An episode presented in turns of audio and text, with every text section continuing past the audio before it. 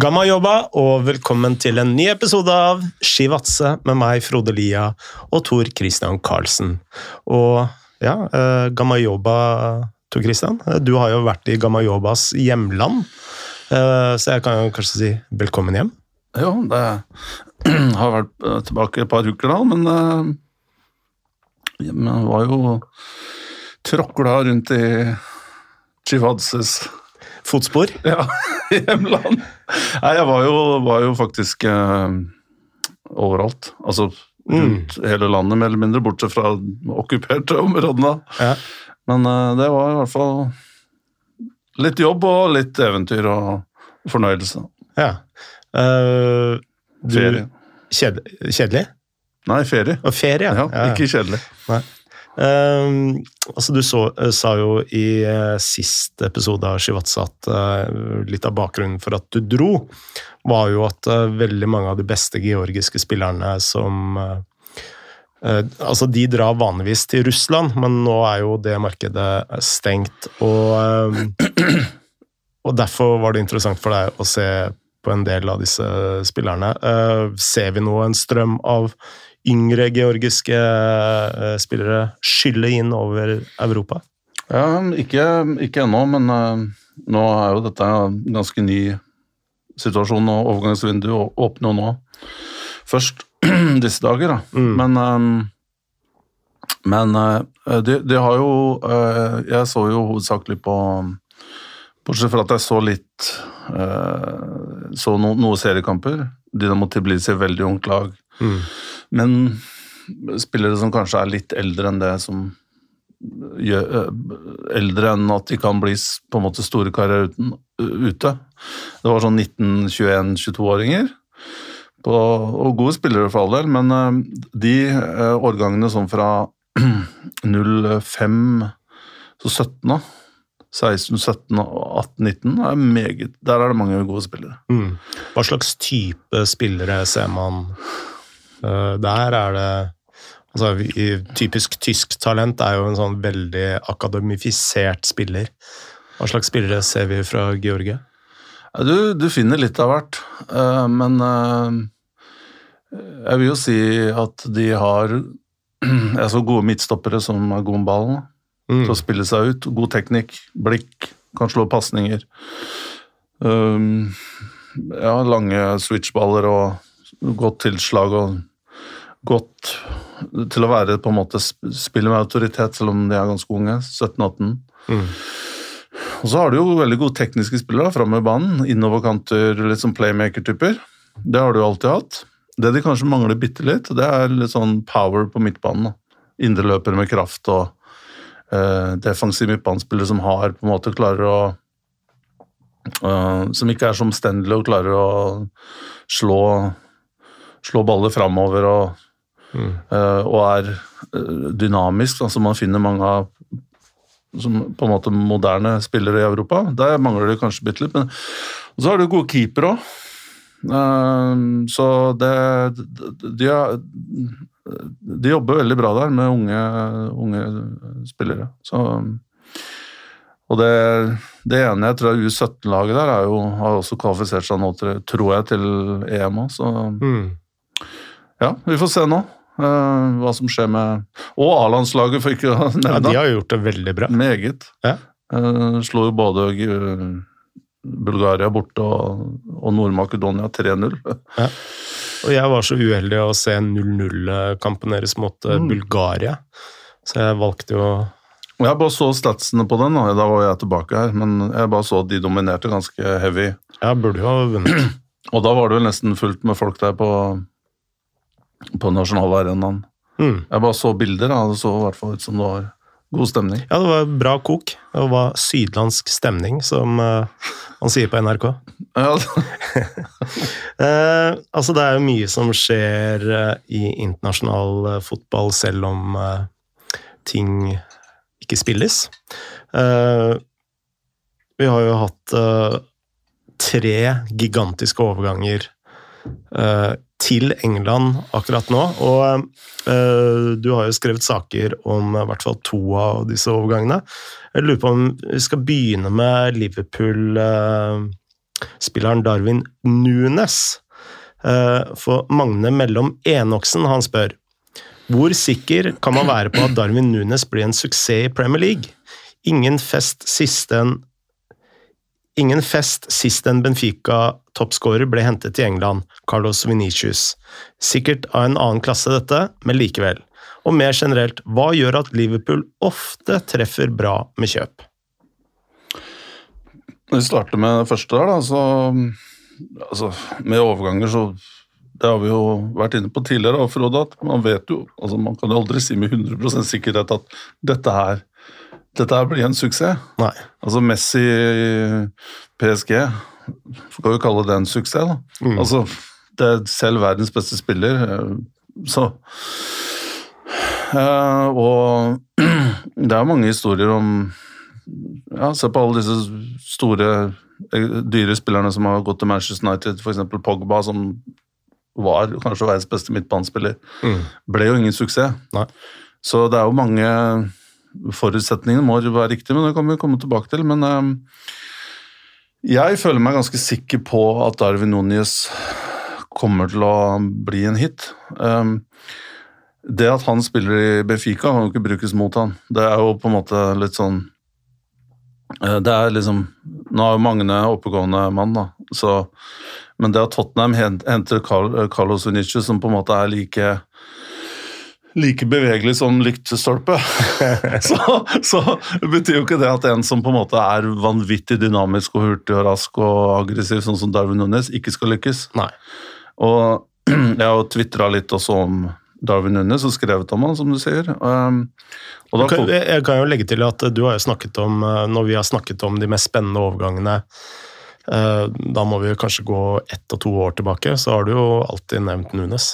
Ja, jeg har vært på han en god stund, ja. Um, men da jeg, da jeg, på en måte bare tvitra litt om Darwin Nunes, så begynte folk å si ja, du meldte det om uh, Lazar Markovic, mm. som også kom fra Benfica. Men det liksom Det er jo Hvis det er med humor, så er jo det morsomt. Men hvis det ikke er med humor, så må man må lure på om folk er eh, helt uh, blokkerte i toppetasjen. Eh, men eh, det Nei, jeg liker bare ta, ta det kjapt hvorfor jeg liker ham. For det Han er eh, Han, han har hatt Han er litt sånn uskolert, da, som type. Mm. Og er så Spiller med kraft og skal i bakrom og er på hele tiden. Og har enorm, enormt god balanse, han er hurtig og er fryktelig vanskelig å spille mot. Og det er veldig vanskelig for stopperen å hanskes med han, da, få han ut av balanse og ikke sant? Du, Kommer du bitte litt på etterskudd, så er du fucked. Det er lov å si på norsk. Ja, ja, absolutt. Uh, Andrew så, Robertson kan jo skrive under på det, fordi Nunes lekte jo med han eh, den gangen Benfica møtte Liverpool. Ja, ja. Uh, men, men, men, selv, jeg har sett selv eh, ganske stødige stoppere slite med han både på fart og på duellkraft og sånn. Så det er litt det samme med Haaland. ikke sant? Det er, det er så flinkest til å komme seg foran stopperne, og da er det umulig mm. å stoppe dem, sånn som mot Slovenia, hvor han ble dratt ned. ikke sant? Godt mm. eksempel på, på, akkurat den kraften der. Og samtidig så er han jo enorm avslutter med både med hodet og, og, og avslutningsteknikk. Det er liksom halv volleyer, og det er lobber, og det er også et tungt tilslag med høyrebeinet fra 18-20 meter. Så han er ganske komplett. men Det, det og igjen synes jeg er ekstremt spennende, er at han har hatt en så utrolig utvikling, da, spesielt siste året. Um, og det føles ut som det er mer der. Mm. Det er, det, for, fordi han er fortsatt litt sånn uraffinert og litt toucha, han skal være litt dodgy og sånn. Mm. Uh, men jeg syns det gjør det enda mer spennende, for det ser ut som han er late bloomer, på en måte. Mm. Og da kan det bli så god som helst, altså. Det minner jo veldig mye om uh, en viss grad Mohammed Salah, men kanskje en større grad uh, Sadio Mané, hvor du, du, ser et enormt talent, men som bare blir forbedra kraftig under Jørgen Klopp. da. Ja. Ja, ja. Um, og det eneste her er jo um, defensive, da. Altså presspill og sånne ting. Mm. Jeg bare så bitte litt på noen tall, jeg mener han har 15-16 press per kamp. Noe som er for så vidt ganske average, altså. Det er ikke veldig lavt, og det er ikke veldig høyt. Eh, men det er jo Benfica disse tallene er basert på. Da jo, spørs jo hva instruksen er der. De, de, er, de, er, jo ikke et spesielt aggressivt lag. Så, og det med å presse og jobbe utholdenheten din og bli Det er jo enklest å lære. Mm. Eh, men tilbake til siste spørsmål der til, til Magnus. Jeg vil jo igjen si, som det er på en måte blitt mitt mantra, at eh, Og vi har hatt den samtalen her dusin ganger, men eh, Men verden vil jo bedras òg til, til en viss grad. og det er jo disse analysegutta av Michael Edward som har dratt, drar unna med all krediten Ja. for disse signeringene, men hadde det ikke vært for Klopp Det er første bud i scouting, spillerrekruttering Du må ha en god trener. Mm. Og du må ha en god trener som gidder å jobbe med spillerne, og som har en plan med spillerne, og som kan utvikle spillere. Hvis ikke så er det jo helt meningsløst. Mm. Og det er jo, som Magne er inne på her, med kanskje spillere som kommer til Tottenham, og hvis du har Mourinho som trener, så vet du at den spilleren ikke kommer til å ha en utvikling. Altså, Han vil kanskje utvikle to av ti, da, mens Klopp vil utvikle åtte av ti. Fordi han gidder å investere i disse spillerne. Og da er det også enkelt å være analyse og, og, og, og, og bli dratt opp av Klopp da, som scouting-guru. Det er i Ja. hvert fall min uh, take. Ja, altså Mohammed Salah er jo også et uh, godt eksempel på det. Altså Han var jo tross alt i både Chelsea, Fiorentina og Roma, og Roma. ja, Uh, ikke at han var dårlig, i hvert fall i Italia, men han var jo ikke på det nivået han er, har vært under Liverpool. Nei, Så det er jo liksom ett og to og kanskje tre hakk enda, enda bedre. Så der er jo et kjempepoeng. Eh, jeg bare legger til øh, to ting. Eh, jeg bare leste altså Magne spør om eh, hva er det som gjør at eh, Liverpool treffer så ofte. Eh, og det som har blitt lekka ut av eh, Liverpool, og vi veit jo ikke om dette er sant eller ikke, men eh, la oss eh, ta det for god fisk, da. Så er det en spiller de har fulgt i over tre år. Eh, og det bør vel kanskje ligge i grunn, og kanskje er en avgjørende faktor at de, de følger spillerne over lengre tid. Mm.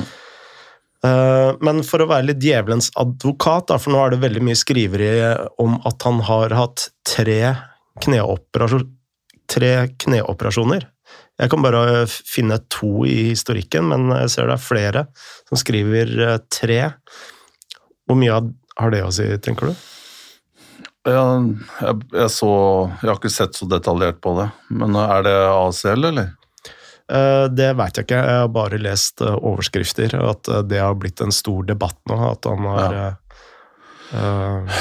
jeg, altså det er jo Igjen, dette er jo ikke noe for så vidt uh, Her må vi jo stole litt på medisinsk mm, medisinske apparatet, og han har jo han har vel nå spilt to-tre, to, i hvert fall to og en halv sesong uten noe lengre skadeavbrekk. Så Mm. disse skadene er jo fra lenger tilbake. Ja. Og eh, det er jo verre hvis Det var jo samme Falcao. Han hadde jo også mye skadehistorikk, annet to ACL, tror jeg, før han kom til Europa, i River Plate. Om Om det er ett i Porto, men eh, men, eh, og han fikk jo den eksplosiviteten der, og du så hvor atletisk han var i, i Mm. Atletico. Ja. Eh, Men som sagt, jeg er jo ikke noe jeg, jeg vil jo tro, da, ut fra min begrensa kunnskap om det her, at eh, hvis du holder har blitt lappa sammen og har spilt et par år, så mm, skulle man tro at kroppen har, har, har leget seg hen. Mm. Så jeg, eh, jeg har i hvert fall ikke opplevd det. Men det er, det er jo klart sånn eh, det er jo, Du signerer jo aldri en spiller som er skada eller langtidsskada. Florian Wirtz, for eksempel, han er jo ute med med, med ACL eh, og Miquel Loyar Sabal eksempel, i Real Mm. Sociedad, som har det samme. Du ville ikke signert dem nå, og du ville ikke signere dem før det har gått et halvt år etterpå heller. nei. Men på et eller annet tidspunkt så er jo spillerne på en måte reparert igjen, og det er i hvert fall sånn Sånn jeg øh, ville sett på det. Bra svar. Eh, Den angivelige overgangssummen var først 100 millioner euro. Men nå kom det nye oppslag om at overgangssummen kun var 75 millioner euro. Så et eh, ganske stort sprik eh, der. Men det var, noe, det var noen add-ons der som var ganske enkle å oppnå, tror jeg. Ja, ok. Som øh, fort får den opp mot 100 der, men Eh, Men en annen kar det har vært eh, skrevet mye om, det er Aurelien Chouameni. Det er meg og navnet igjen, da. 80 millioner euro, seks år. vi forsto hvem du mente. Ja, bra. Det er det viktigste. Ja. um, og vi har fått et spørsmål. Hva syns TK om Chouameni, og hva tenker han om prislappen? Hvor god kan han potensielt, bli? Han her har jo jeg og, og til en viss grad du drevet og eh, vi har, vi har jo holdt på eh, rost han opp i skyene i et par år. Ja. Og jeg husker jo, vi lagde jo en eh, Chivadze spesial etter den U21-lista mi i 2020. Mm. Ja. Og da snakka vi veldig mye om han. Og da husker jeg vi sa det der er Real Madrid-spiller. Mm. Så for folk som tror vi sitter her og ljuger for å sjekke oss, så kan dere gå tilbake og høre. Kan være det er 2021, men jeg tror det er 2020. Så han har vært på radaren lenge, men um, Nei, det må ha vært 2021, faktisk, for han kom jo først i 2020 til Monaco og spilte nesten ikke noe der eh, den, det første halvåret. Så det er 2021, men allikevel så var det ganske tidlig Vi var tidlig på den, Eh, men ehm, ja, hva skal man si? Jeg syns det er helt fantastisk spiller. Jeg tror han eh, om eh, 10-15 år så kommer vi til å snakke om hans på samme måte som vi snakker om Modric. Ja, nå tar du jeg rammen. Modric er min, min store Men, men eh, han, jeg er enig i at han, han kommer til å bli stor. Eh, Og så, så får man jo se hvor, hvor eh, de skal bruke han på banen. Nå er jo folk liksom blitt veldig sånn opptatt av det, for alle sitter og spiller fotballmanager og sånn. og Mm. så er det liksom sånn, ja, men hvor skal han spille der og der, og så tenker man ikke at man skal ha en stall, og så tenker man ikke at det går an å liksom gjøre noen taktiske grep som Men um, hva jeg sier kort om han, det er jo at han, han er jo faktisk eh, spiller som har blitt flytta lenger og lenger tilbake på banen. Han var faktisk angrep midtspiss som tenåring Mm. tidlig i tenårene. Og så ble han offensiv midtbane, tier, åtter, og så sekser, som han ble på en måte eh, endte opp som. Men jeg tror også han kunne spilt stopper Mm. uten noen problemer. Så uansett hvor du er i sentrallinja, bortsett fra keeper, så tror jeg han klarer seg. Og, og, det, og fra i Monaco til å begynne med å være en ganske eh, litt sånn eh, konservativ spiller, da, som hele tida skulle holde igjen og, og, og, ikke gikk på så mange eventyr. Veldig disiplinert, holdt seg foran stopperne. Uh, og var heller ikke så veldig kreativ i, pasningsspill og sånn, men det har han virkelig tatt tak i. Så nå er han jo blitt en skikkelig sånn Nesten litt Ja, altså Han har jo spilt åtter år i tillegg, ikke sant, som indreløper, og han har det drivet med ballen, han har Nå har han skuddbeinet fått det òg, Mm. som vi har sett, og han har eh, pasningssikker. Jeg lurer på om han Pasningsprosenten hans ligger på et par 93, og det trenger jo ikke å si så mye hvis du bare driver og spiller støttepasning, men han, han er også progressiv i, i pasningene. Tre Mm. gjennom ledd og klarer å liksom ta litt risiko. Ja. Men du har den fysikken og du har hodet Du har en komplett spiller der. Og jeg, i den analysen min for ISBN der, så prøvde jeg å så prøvde jeg jo på en måte formatet, så skal jeg også komme med, med hva han kan forbedre. Og det syns jeg er veldig vanskelig på en spiller som er født i 2022 år, og så komme opp med noe som Altså uten at det går utover noe annet, da. Mm. Eh, Det blir jo veldig ofte når en spiller er veldig uh, god på én ting, så, og som uh, Chuameni er, han er jo veldig komplett, så er det veldig enkelt å liksom rakke på de tingene han liksom ikke er sånn terningkast ti på. Ja. Selv om terningen bare går til seks.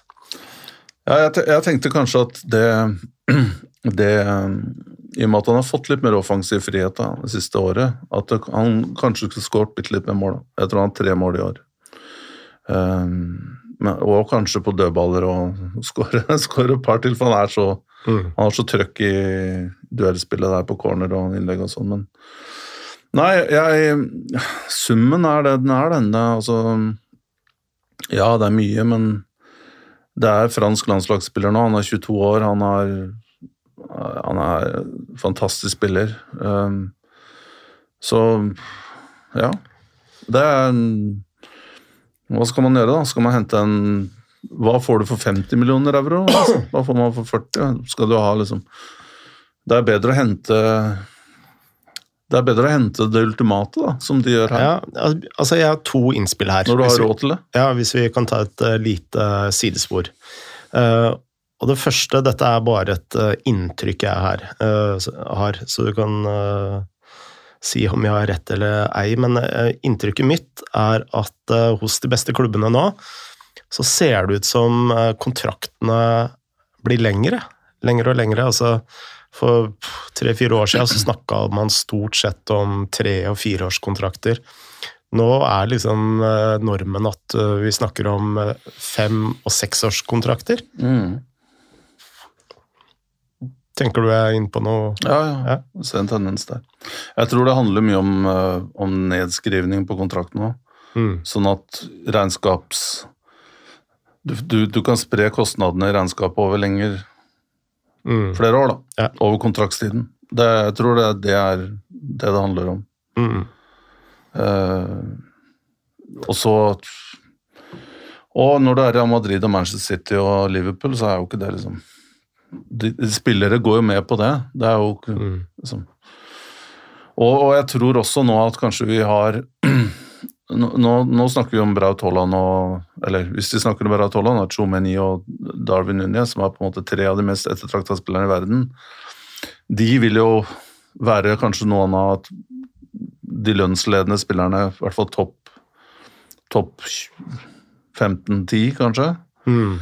Men eh, generelt så, så, tror jeg nok for de spillerne som ikke er de aller, aller beste, så tror jeg nok lønnene skal ned. Og Derfor så tenker jeg at de tenker at det også er en trygghet mm. å signere fem-seks år, i og med at det er så at fotballøkonomien er som den er. Ja. Hvis vi tar Liverpool øh, igjen som et eksempel, da, så når de øh, da gir da opp mot 100 millioner til Darwin Nunes, så Altså, det høres jo så enormt ut, men samtidig så så har de nå signert en ny kontrakt med James Milner, hvor han må gå ned i lønn.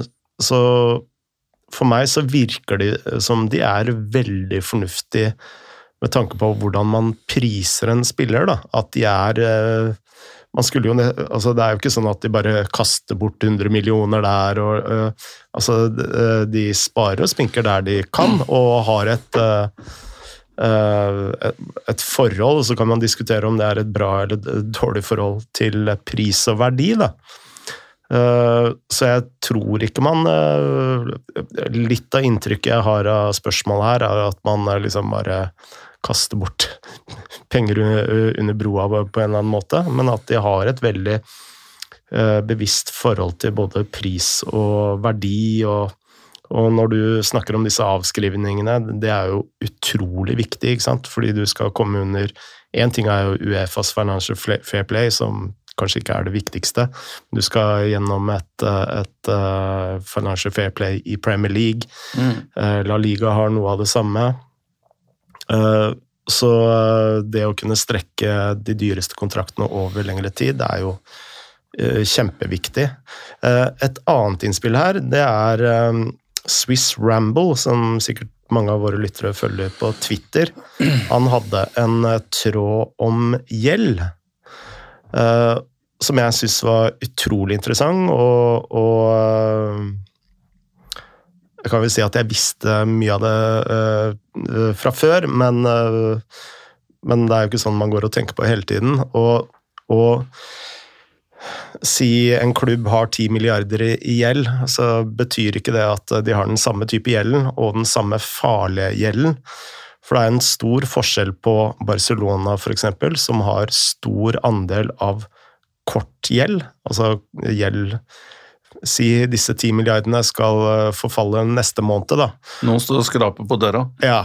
Og eh, Tottenham, eksempel, som eh, Og til, til dels Real Madrid som, og Liverpool, som har gjeld som strekker seg over flere år. Mm.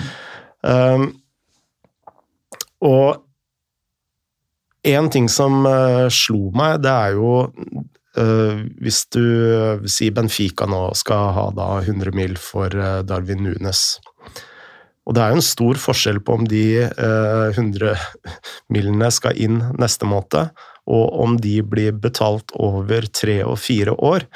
Som Tottenham, for eksempel, som oftest gjør. Altså det, man opptrer da på mange måter som å ha et riskfri ikke riskfri, men eh, et eh, disproporsjonalt bet, da. Eh, I, I, mange tilfeller. Men det som slo meg, er, er det vanlig å putte renter på de summene der? Nei, ikke på Men, men dette blir jo Det her er jo igjen veldig mange forskjellige måter å gjøre det her på. Mm. Um, og og, og, det med betalingsmodeller og sånn, det er jo også forhandlingsspørsmål, da. Mm. Så um, Så du kan jo uh, For noen så er ikke den derre Altså For noen tar heller Få prisen litt ned og betaler mer up front eller over kortere perioder, og så er det andre som, som betaler mer og lar det fordeles over en lengre periode. Eh, og så kommer det an på hvordan du finansierer dette her òg. Og man har jo sett at spesielt i England og Italia nå har det blitt at man, tar, man låner av Det er jo finansinstitusjoner som låner ut penger til klubber for å betale overganger til en Jeg tror det var noe rente på ganske høyt, faktisk. I hvert fall i i, i, i, dagens marked. Men det kan jo folk også lese seg litt opp på um, blir, før vi blir for tekniske her. Men så har du også det andre med gjeld her, at mye gjeld er til eierne. Da, som, mm. som, gjør at den gjelda er jo ikke farlig uh, før eieren går lei. Mm. Um, så, men uh, Ja, det er Det er uh, blir ofte presentert i media liksom den klubben er gjeldstunge klubben, sånn, sånn, og så har man ikke gått inn på en måte og, og sett på dette her med, med lupe. da. Nei, det er veldig fascinerende. Jeg har truffet Swiss Ramble, faktisk. Har du det? Ja, jeg har hatt lunsj med han. Er han eh, sveitsisk, eller? Nei, han er engelskmann. Som bor i, som bor i Zurich. Så ja. han er veldig, veldig, veldig hyggelig og oppegående fyr. Mm. Ja, jeg anbefaler alle å følge Swiss Ramble. Um, Bjørn Rudsagen. det er en uh, blast. blast from the past. Det er kjent navn. Ja, han uh, elsker vi. Og, men han uh, lurer på hva ståa i Manchester United om dagen? Får de tak i noen spillere i det hele tatt? Og Stig Jarle han spør også Manchester United om og transferforhandlinger. Er de bare så amatørmessige som de fremstår, eller foregår veldig mye i kulissene? For en klubb som lekker som en sil, virker det siste alternativet lite sannsynlig. Vi har jo snakka mye om Manchester United. Ja, vi kan jo bruke to minutter til på dem. Um, For du har jo nettopp skrevet en sak i VG+. Ja, den ble publisert i går kveld, så hvis noen har lyst til å gå og finne ut hva jeg hva jeg ville gjort hvis jeg hadde satt meg inn i uh, Hvis jeg mot formodning skulle blitt uh, toneangivende person i Manchester United, hva jeg mm. kunne vært i tilbøyelig å gjøre, så ligger den saken på, på VG+. Um, men jeg, altså, i researchen til den saken der, så, så, så tenker du jo dette er, en, dette er en stor jobb.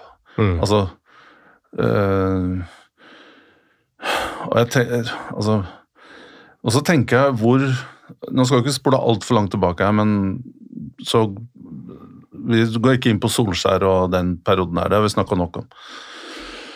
Men den som, den som hadde den ideen med å ansette Ragnhild til å bli hovedtrener, og igjen, dere som lytter på Chivadze, så har vi prata veldig mye om det, og til og med før han ble ansatt, at du kan ikke ansette han som hovedtrener. Mm, Og hvis du skal ansette han, så skal han være sportsdirektør eller en eller annen type advisor.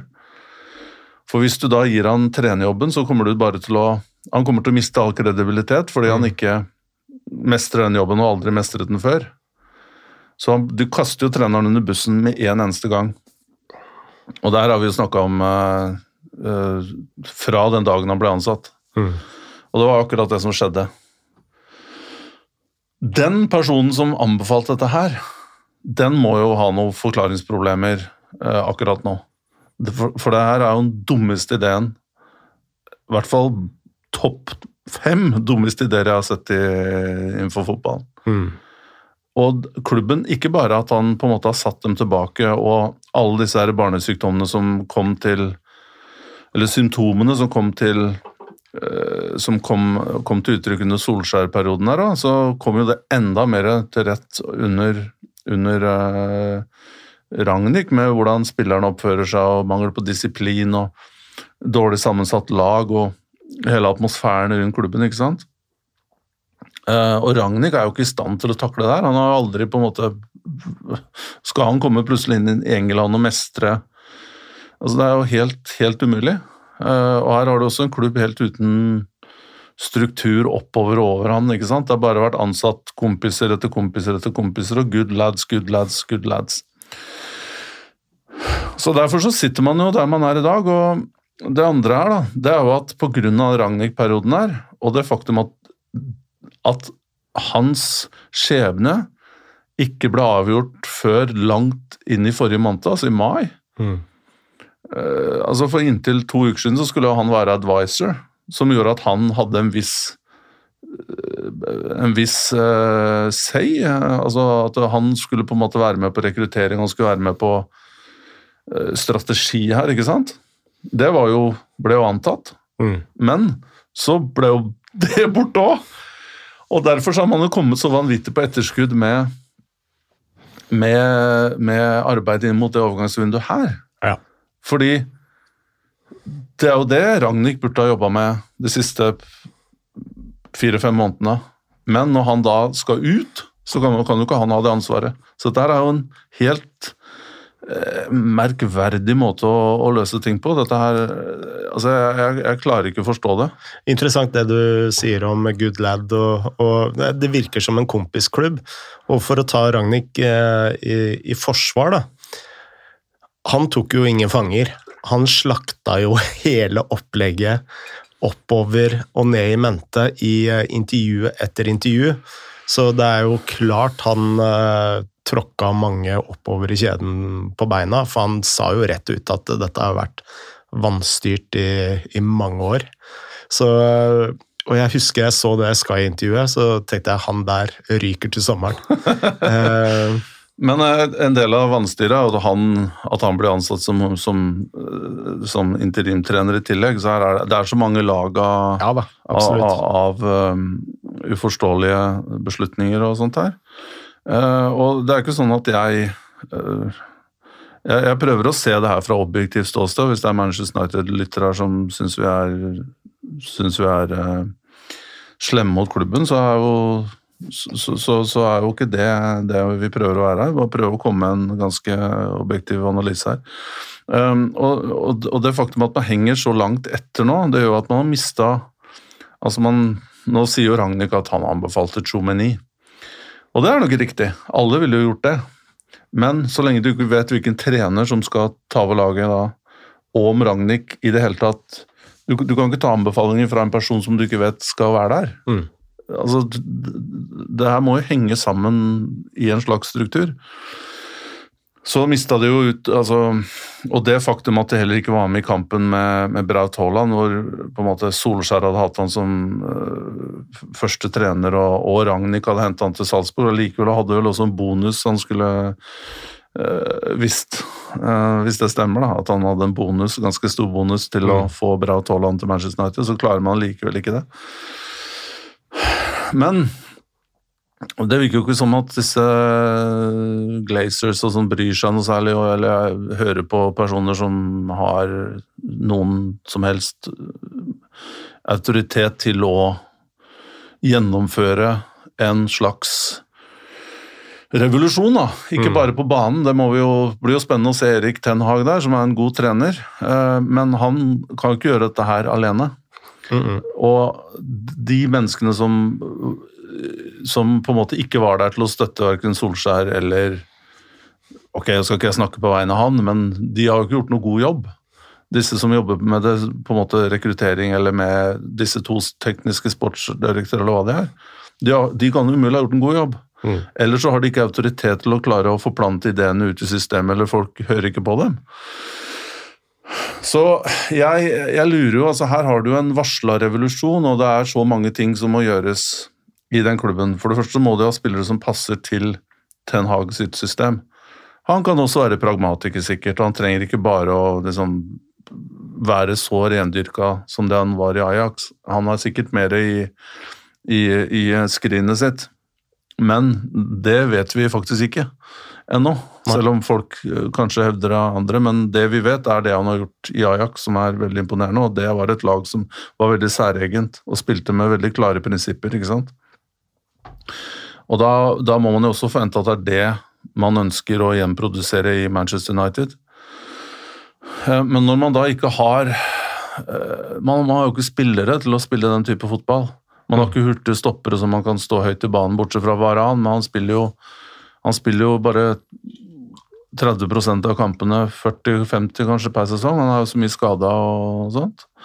Uh, og du er ikke aggressive Man så jo det pressopplegget man skulle prøve i fjor. Mm.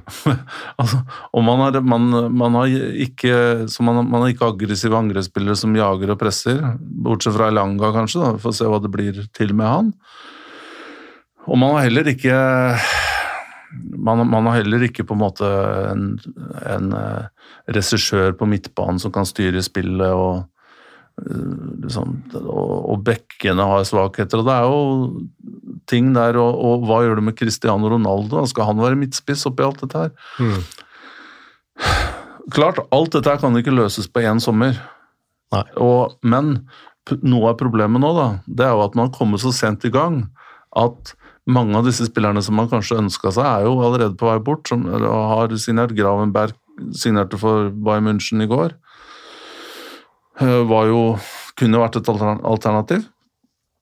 Ehm, og da kan det også være at man ender opp med å ehm, signere spillere fordi det blir et stort press for å signere og fornye og starte. Ja, for de har jo kasta ut en del eh, Eller kasta ut er jo kanskje feil uttrykk. Ja, jo, jo, det, jo, det vil jeg jo si at er riktig ja. terminologi. Men at man, man, fordi man er så dårlig forberedt, så blir det følgefeil på følgefeil, og så ender man opp med spillere som man egentlig kanskje tredje-fjerde valg istedenfor første eller andre valg. da. Mm. Og de var jo ikke, altså Se med Darwin Nunes, for eksempel. Han kunne jo vært han kunne jo vært et alternativ her, men de fikk jo ikke han heller.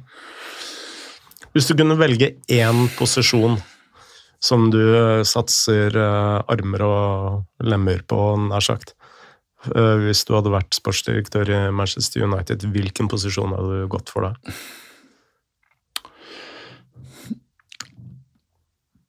Nei, altså, det, det, det, må gjøres noe i hele sentrallinja der, tenker jeg. Mm. Uh, og det Cristiano Det er jo elefanten i rommet her.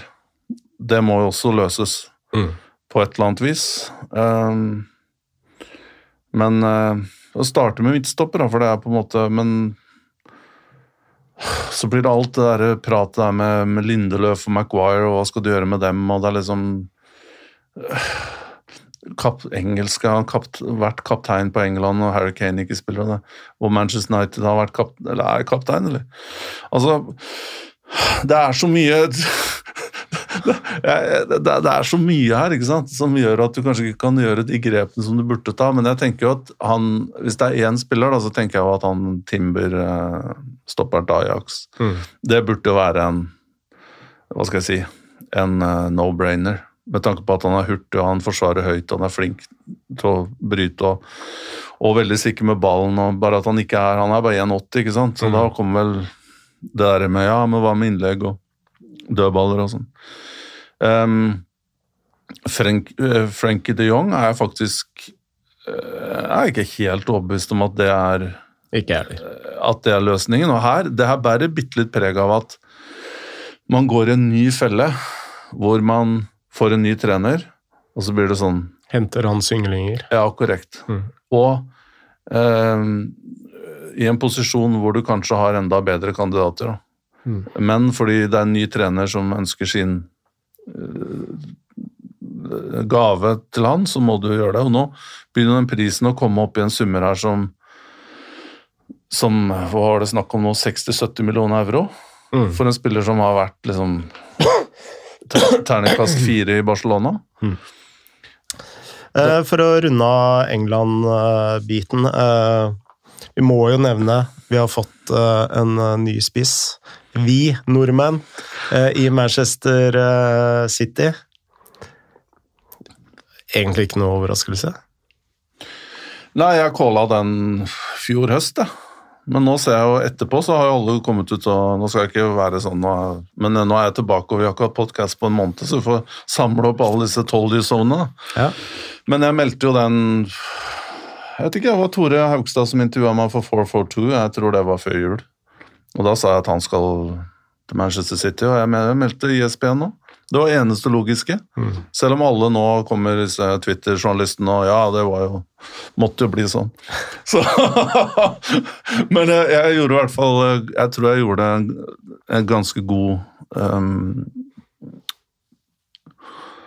nå begynner folk å lure hva som har skjedd med meg i Georgia. Mye selvskryt her, men uh, Det er veldig mye selvskryt, men jeg, jeg kan jo si at uh, uh, du har jo argumentert også i Shivatse for at han skulle gå til City. Men et av argumentene dine, der bomma du, fordi du mente at det var Mbappe skulle jo til Real Madrid.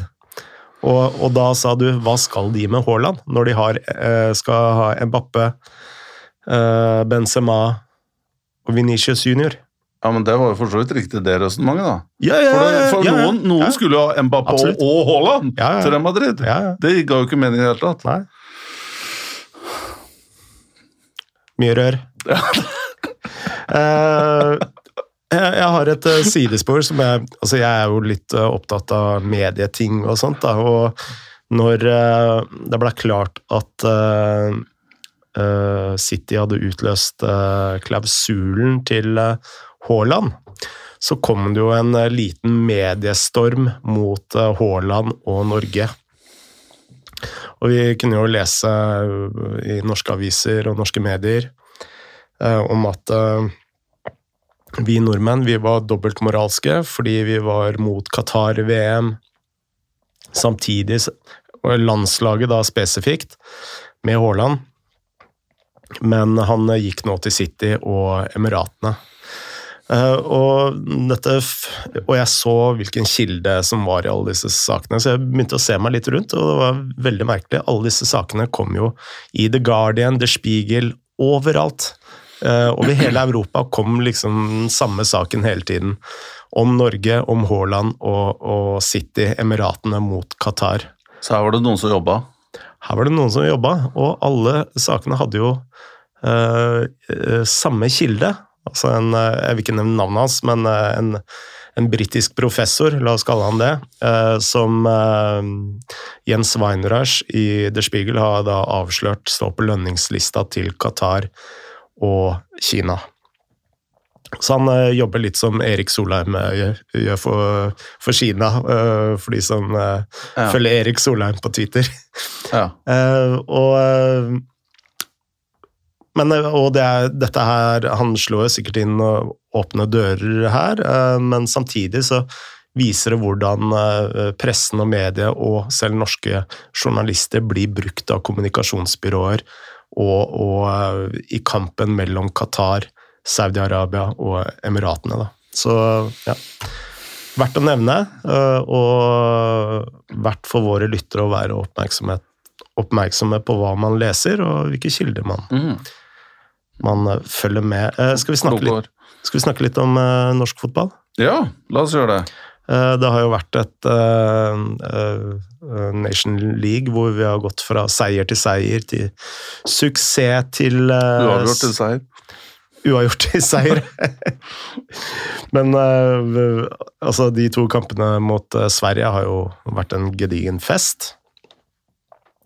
Og én ting jeg tenkte på, som du har uh, også nevnt veldig mye når du har fortalt hvordan du har scouta trenere. For altså Når man sitter og diskuterer fotball på Twitter, eksempel, så går det jo mye på sånn taktikkeri og uh, Man sitter jo der som en sånn FM-spiller, ikke sant. Men uh,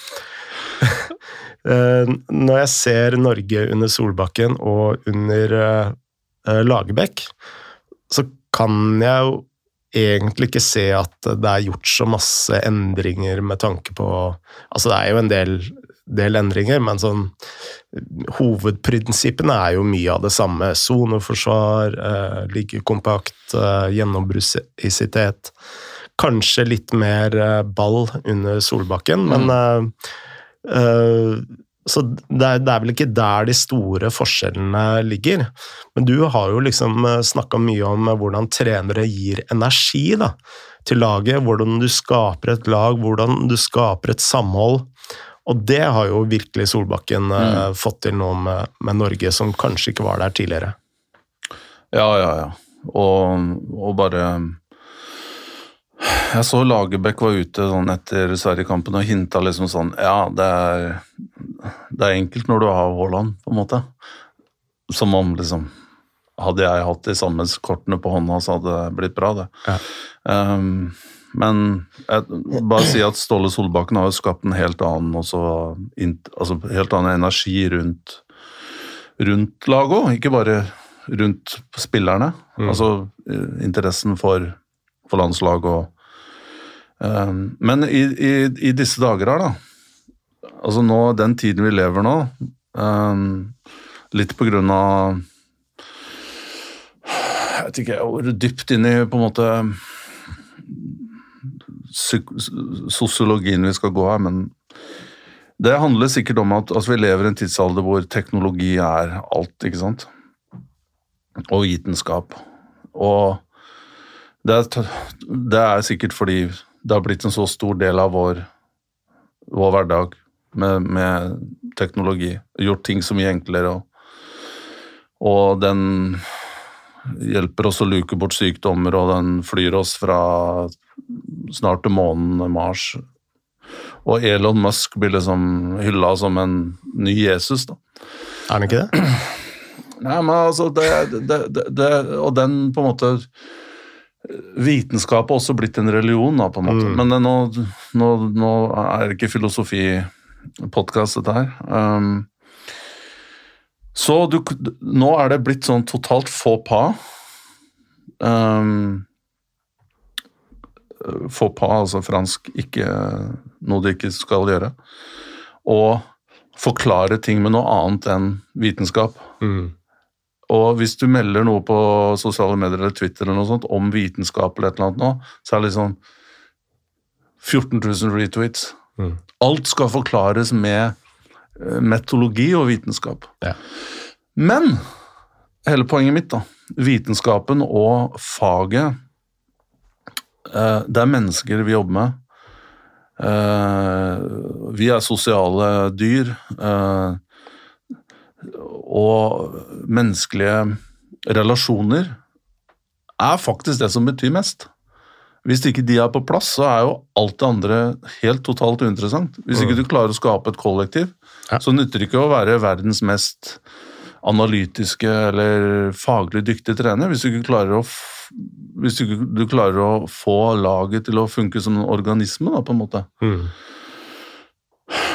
Men det er igjen få på, da. å prøve å forklare ting med eh, psykologiske prinsipper. Psykologien er liksom bare, den har vi bare dratt ned i dass, den. Mm. Og, og, og, liksom det gamle mellommenneskelige, altså disse Det relasjonelle og sånn, det er på vei ut. Alt mm. skal være på, på et annet plan, liksom bare med teknologi og, og vitenskap og taktikk, da. Mm. Men igjen, da, mitt budskap er at forutsetningen for at du skal lykkes med noen ting i, innenfor lederskap eller teamwork, må jo være at, at gruppa er samla, og, og, at du er en god pedagog og, og lærer og en god menneskekjenner. Så. Men uh, kreditt til Ståle Solbakken og, og, og, jeg vil også si litt uh, klapp på skulderen til norsk fotball som, som Eh, bevegelse. Altså, jeg syns vi har en generasjon på gang gjennom her nå som er veldig spennende. Mm. Altså ikke bare Ødegaard og, og Brauten, men altså, vi har typer, vi har gode spillere nesten i alle rollene nå. Dobbeltdekning nesten på hver plass. Kommer nye som vil være med på dette her hele tiden. Mm. Men det, var, det ene her var jo det var et spørsmål her om keepersituasjonen. vi har fått to eh, spørsmål. Eh, et fra Gard Helgren Christiansen. Og han eh, spør vårt landslag har nå et velfungerende midtstoppepar. Min mening er at de har gått en særdeles god forsvarsskole i sine klubber i Serie A. Burde flere norske midtstoppere søke seg til Serie A eller B? Tilsvarende utvikling? Ja, det, det, tror jeg vil være Jeg tror det er en god skole, uh, og det har jeg jo sagt mange ganger.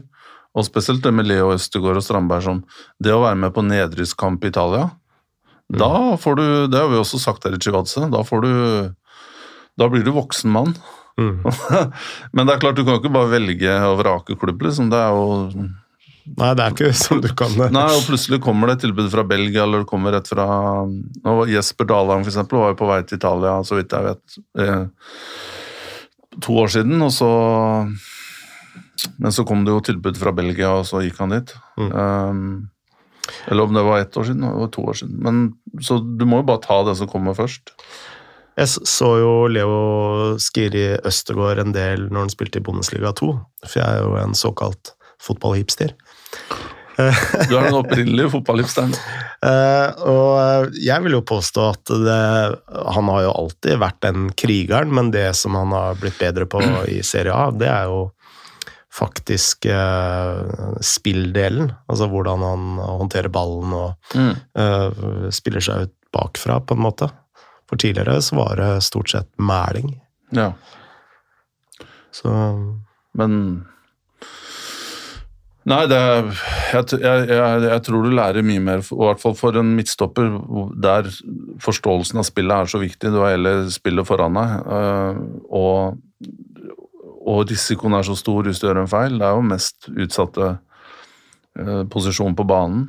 Mm. Uh, så handler så mye om å lære fotball og spille og lese.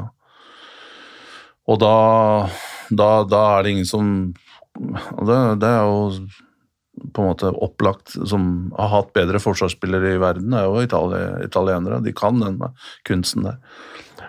Uh, Trond Eltevåg han lurer på har Norge et keeperproblem. Hvem skal erstatte Nyland, som vel er 31 år? Claesson i Leeds spiller for lite. Hvem andre skal vi satse på? Har vi sovet i timen på keeperrekruttering? Nei, det tror jeg ikke. Jeg tror det er litt tilfeldig hva du får fram. Mm. Um, så jeg tror kanskje at det er Ja, som sagt, det er tilfeldig. Og, det er, og, og med keepere så er det vi, vi, har jo keepere sånn liksom Decente keepere, da. Altså både Nyland og, og for så vidt han Grytebyst eh, som satt på benken. Ja, og han andre her òg den tredje mannen der, og bare mista mista jeg det helt. Men også har du Bråtveit, som er decent. Um, André Hansen og så Det er jo mm. gode keepere, ja. men, men, det er jo ikke Og Rune Jarstein har jo ikke lagt opp ennå. Nei, han har faktisk ikke det. Men det, men det er jo ikke Kasper Schmeichel eller disse tyske keeperne eller Courtois, liksom hvis du sammenligner mot dem. Nedover så tenker jeg jo at uh, han uh, som uh, godeste Hva heter Hedenstad Christiansen? Mats Hedenstad. Det hadde vært ja. også mitt I Lillestrøm, som mm. Han syns jeg ser veldig bra ut. Moderne keeper. Han Og så syns jeg faktisk det er litt spesielt at han ikke står på U21. Mm. står Claesson fordi, fordi, han er Leeds, da, eller? Altså Det jeg har sett av de to keeperne, så er jo Hedenstad foran. Helt enig. Helt enig. Og, og Claesson, for meg, med all respekt, han har en fantastisk fysikk og det tilslaget og sånt, men de siste 10-15 kampene før han gikk til Leeds i Vålerenga, var ikke overbevisende. Og hvordan han klarte å havne der, er jo også et godt spørsmål. Men at han har stort potensial, er ikke noe tvil om.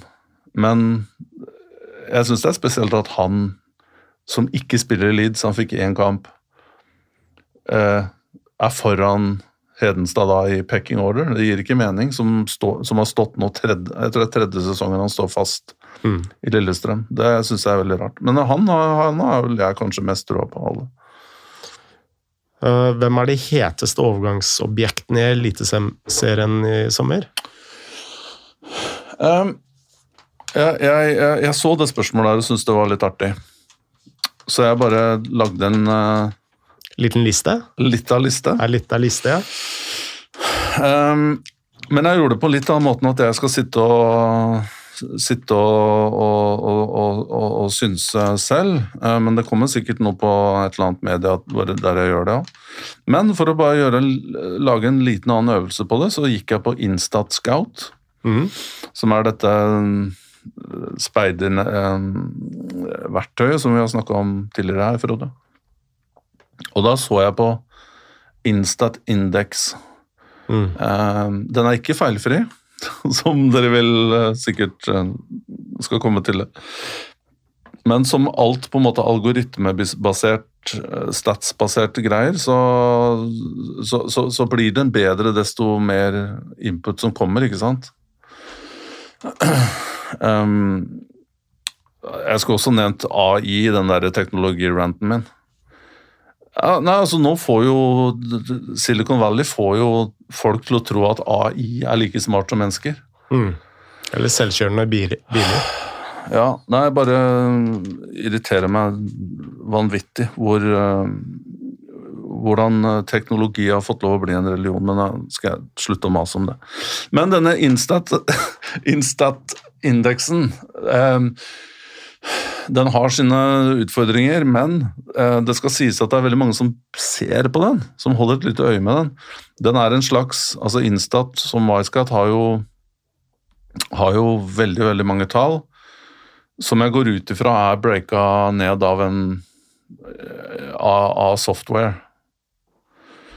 Og så er det summen av dette her, og de vektlegger litt forskjellige ting. På midtstoppere så så, så, blir jo ikke key passes f.eks. Uh, vekta like høyt som for en offensiv midtbanespiller, en innoverkant eller en spiss. ikke sant? Mm. Der er det kanskje mer dueller og sånt som vil bli lagt mer uh, vekt på. Progressive pasninger for en stopper. Sånne ting, bare for å forklare hvordan, hvordan man på en måte har designa det systemet. da. Mm. Uh, og der så jeg bare lagde en topp ti. Uh, eller jeg, jeg, lagde den ikke, men jeg skrev ned en topp ti. uh, og der var det noen overraskende funn. Um, kan du tippe nummer én? Hmm. Det er delt førsteplass, faktisk. Det er to som har 248 poeng i den indeksen. Eikrem? Nope. Um, nummer én, men han har faktisk kun kun uh, seks kamper, tror jeg. Det er Slatko Tripic. Mm.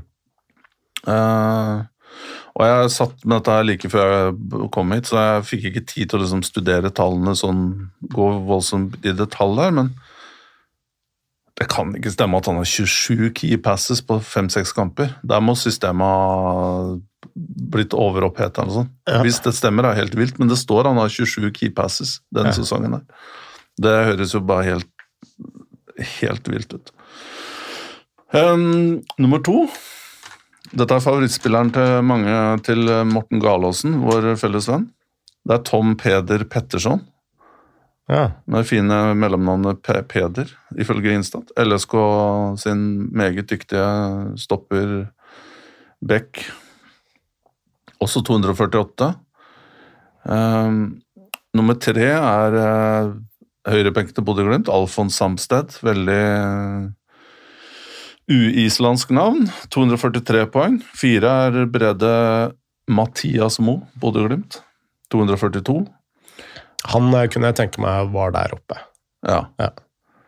Han er den første jeg hadde tippa, egentlig. Du sa Wolf Eikrem, du. Jo, men av de du lister opp nå, okay. han er, er første jeg kunne tenke meg liksom var der oppe. da. Riktig. Fem, Kristoffer Haugen Molde. Um, som også så er bare så kjapt der at han har slått noe vanvittig med innlegg. Um, så han er um, Han er på 240 poeng. Sjette, eh, Espen Garnås, LSK. Mm. Nok en LSK-stopper. Her er her, og eh, Dette er jo Geir Bakkes opp av dage. Han har fått orden på det forsvaret der til. Han har begynt å score òg, Garnåsen. Han har. Ja, han skåra vel mot Sandefjord, eh, hvis jeg ikke husker helt feil. Det kan nok stemme, men eh, altså Hva skal jeg si At um, Altså Geir Bakke. For en, for en trener. Absolutt. Og han får han, det, det blir orden der Geir Bakke er. ja, backer Bakke. Ja, det, han, han hadde Han eh, har det jo bra i Lillestrøm, men eh, altså Ja. Når du ser på en måte den trenerjakta som både Rosenborg og Brann og Vålerenga, de største klubbene Norge har drevet og styrt med, så kan man lure på hvorfor Geir Bakke er i Lillestrøm. Men han er jo LSK-mann, da. Litt av det samme som Solbakken har fått til på landslaget. Liksom Virkelig bygge et lag. eh, Samhold, Mm. garderobe. Eh, Og han virker så Det jeg også liker med bare sånn sett utenfra da, Jeg kjenner jo ikke Geir Bakke, du, du, du kjenner han jo, men han bare virker så totalt ærlig og ryddig type. Mm. Og det er ikke noe mind games eller melde i media eller prøve å være kul. Han er liksom bare 100% solid mann, liksom. I motsetning til mange av de andre dinosaurerne som liksom bare skal prate og være kule og ja. Nestemann! husker, husker, husker du Geir Bakke som spiller? Ja, jeg husker han i Kongsvinger. Han hadde jo de råeste legga. Altså, han la jo inn med ytterskru. Han, Ja, han var jo sånn skikkelig køl. Ja, høyre, høyre back. Ja. Veldig offensiv.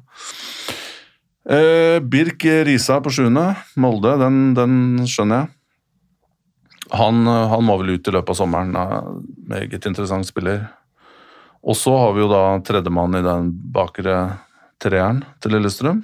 Ogbu. Ja. 238, samme Risa. Garnås har 239. Litt overraskende, alle snakker om Ogbo med rette, men så er det jo, han er jo bak her på tall, eh, bak de to andre. Niende, Benjamin Hansen Tid, Heter han Tidemann, eller? Hansen? Eller, ja. eh, Molde. Eh, 237, og kanskje litt overraskende på tiende, men litt kult. Eh, Hassan Kurucay fra HamKam på 237. Um, så i tillegg, da, bare sånn kjapt før jeg, før jeg gikk, så bare skrev jeg ned noen navn til David Brekalo fra Viking, som, som er uh, veldig spennende, syns jeg. Um, vet om Berisha, selvsagt. Han skårer jo så mye mål. Og, og Johan Hove i Strømsgodset. Og siste er bare Ola, Ola Solbakken jo selvsagt Mm. er jo, er jo het. Og, Mm. Så eh, Men eh, vi kan jo komme tilbake til det her kanskje sånn når overgangsvinduet åpner i Norge. og det, Ja. det heter seg oppgitt litt, men det var i hvert fall en kuriositet. da. Da må vi jo sette opp en uh, Instat, uh, Instat uh. Ja, det kan vi gjøre. Tenk vi kan kose oss med det. Og ralle over uh, AI. Hva betyr det? Nei, slaktere. Slakte det? Slakte AI. Ja, ja, ja. ja, ja. Det, ja. Bra. Jeg tror vi er i mål, jeg. ja. Nå skraper de på studiodøra her. ja. Hyggelig å ha deg hjemme. Ja, hyggelig å være med, og takk for, uh, takk for i dag. Og da ønsker vi alle våre lyttere en fortsatt god uke, og kanskje vi er tilbake neste uke? Det utelukker jeg ikke. Moderne media.